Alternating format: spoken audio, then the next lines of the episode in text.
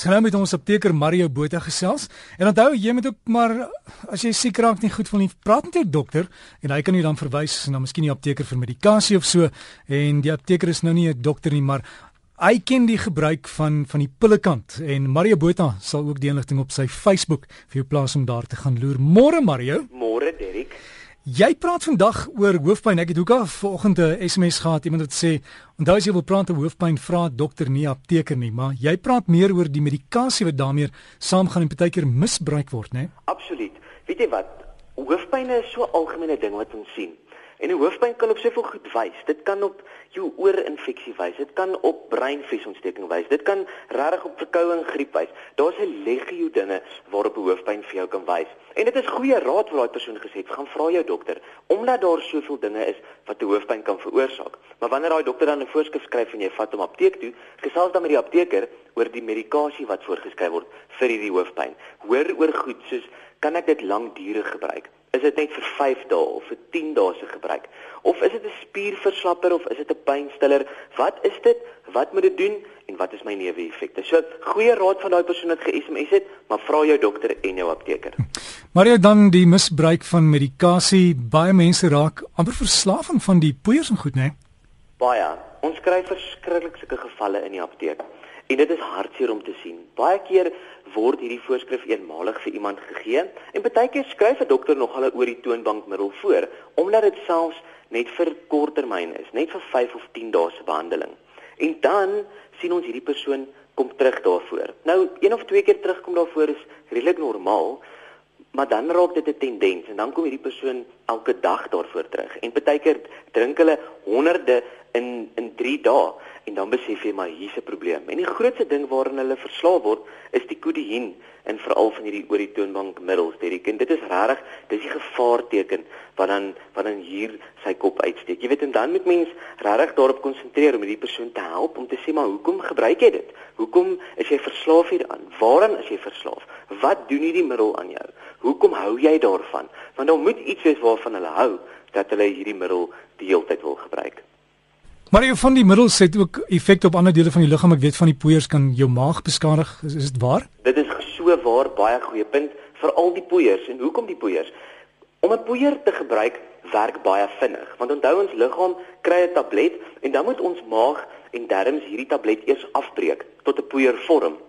En dan kan ons liggaam hom eers gebruik. Nou wanneer jy van hierdie middels as 'n poeier gebruik, en ons almal weet van wat se poeier ons na toe verwys, dan werk dit regtig baie vinnig want jou liggaam hoef nie nog die poeier eers meganies af te breek nie. Hy kan dadelik chemies die bestanddele opneem. Maar nou gaan lê hierdie poeier in ons maagwand en dit is waar die die amper sê sonde plaasvind wat hierdie poeiers dan nou aan ons maagwand doen. En hy vreet bietjies bietjies vreet hy hierdie maagwand weg. En dan sit jy met 'n maagseer aan die einde van die dag. So lanktermyn van hierdie poeiers is regtig regtig gevaarlik. En dan moet jy nie net pille drink om hoofpyn weg te vat nie, maar jy moet ook medikasie gebruik om nou jou maagseer te behandel. So jy maak eintlik van 'n baie geringe situasie, maak jy eintlik 'n baie baie erge toestand dat jy nou op meer middels moet wees as om net regtig 'n simpel kopseer te behandel. So dit is baie gevaarlik. So Mario, as jy daar in die apteek is, kan jy 'n probleemkliënt sien kom wat verslaaf is aan van die middels? O, dadelik. Jy kan regtig dit dadelik sien.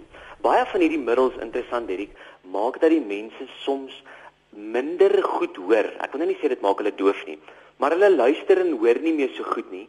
So interessant, baie van hierdie ouens praat baie hard of praat so dat jy eintlik nie lekker kan verstaan nie.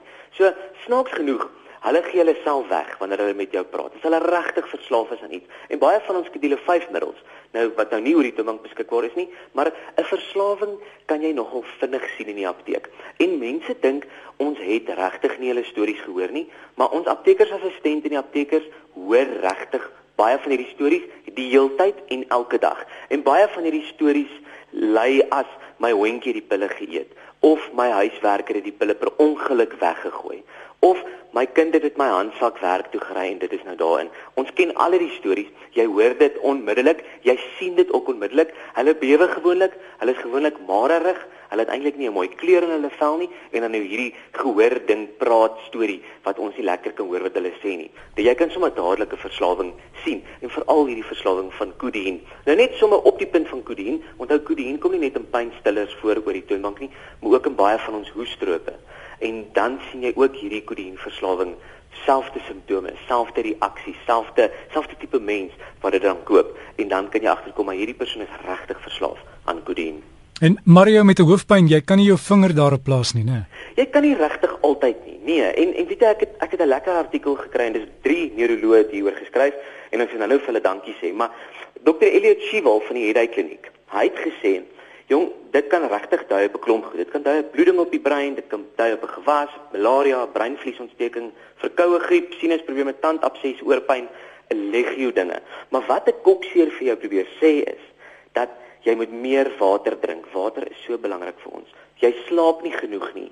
Of jy het 'n sinusontsteking, 'n kroniese erge sinusontsteking, of jy oorwys jou oë werk jy baie op rekenaarskerms, lees jy baie. Baie van ons studente sukkel daarmee dat hulle die hele dag in boeke sit of op rekenaarskerms. So oor eis jy oë, ly jy aan migraine of is jy onaktief? Kom jy min genoeg of nie genoeg by die gimnasium uit nie? Jy weet en dan dui jou liggaam, dui hierdie hoofpyn vir jou op 'n ding en dan moet ons verder grou en kyk wat dit veroorsaak. Nou onthou, jy kry jy kry goed so terugslag hoofpyn en dit is die interessante een waar ons eintlik vandag moet praat. Nou dit is mense wat kronies pynmedikasie gebruik vir hulle kopseer en dan na langdurige gebruik onderhou hierdie middels hulle hoofpyn. So in plaas van dat hy die hoofpyn wegvat, gee hy konstante neeweffek van 'n hoofpyn en dan onderhou jou pynmedikasie 'n hoofpyn en dan kry jy hierdie terugslag hoofpyn. Jy kry ook spanningshoofpyn of 'n tros hoofpyn of 'n migraine hoofpyn. As jy nie weet wat se hoofpyn jy het nie,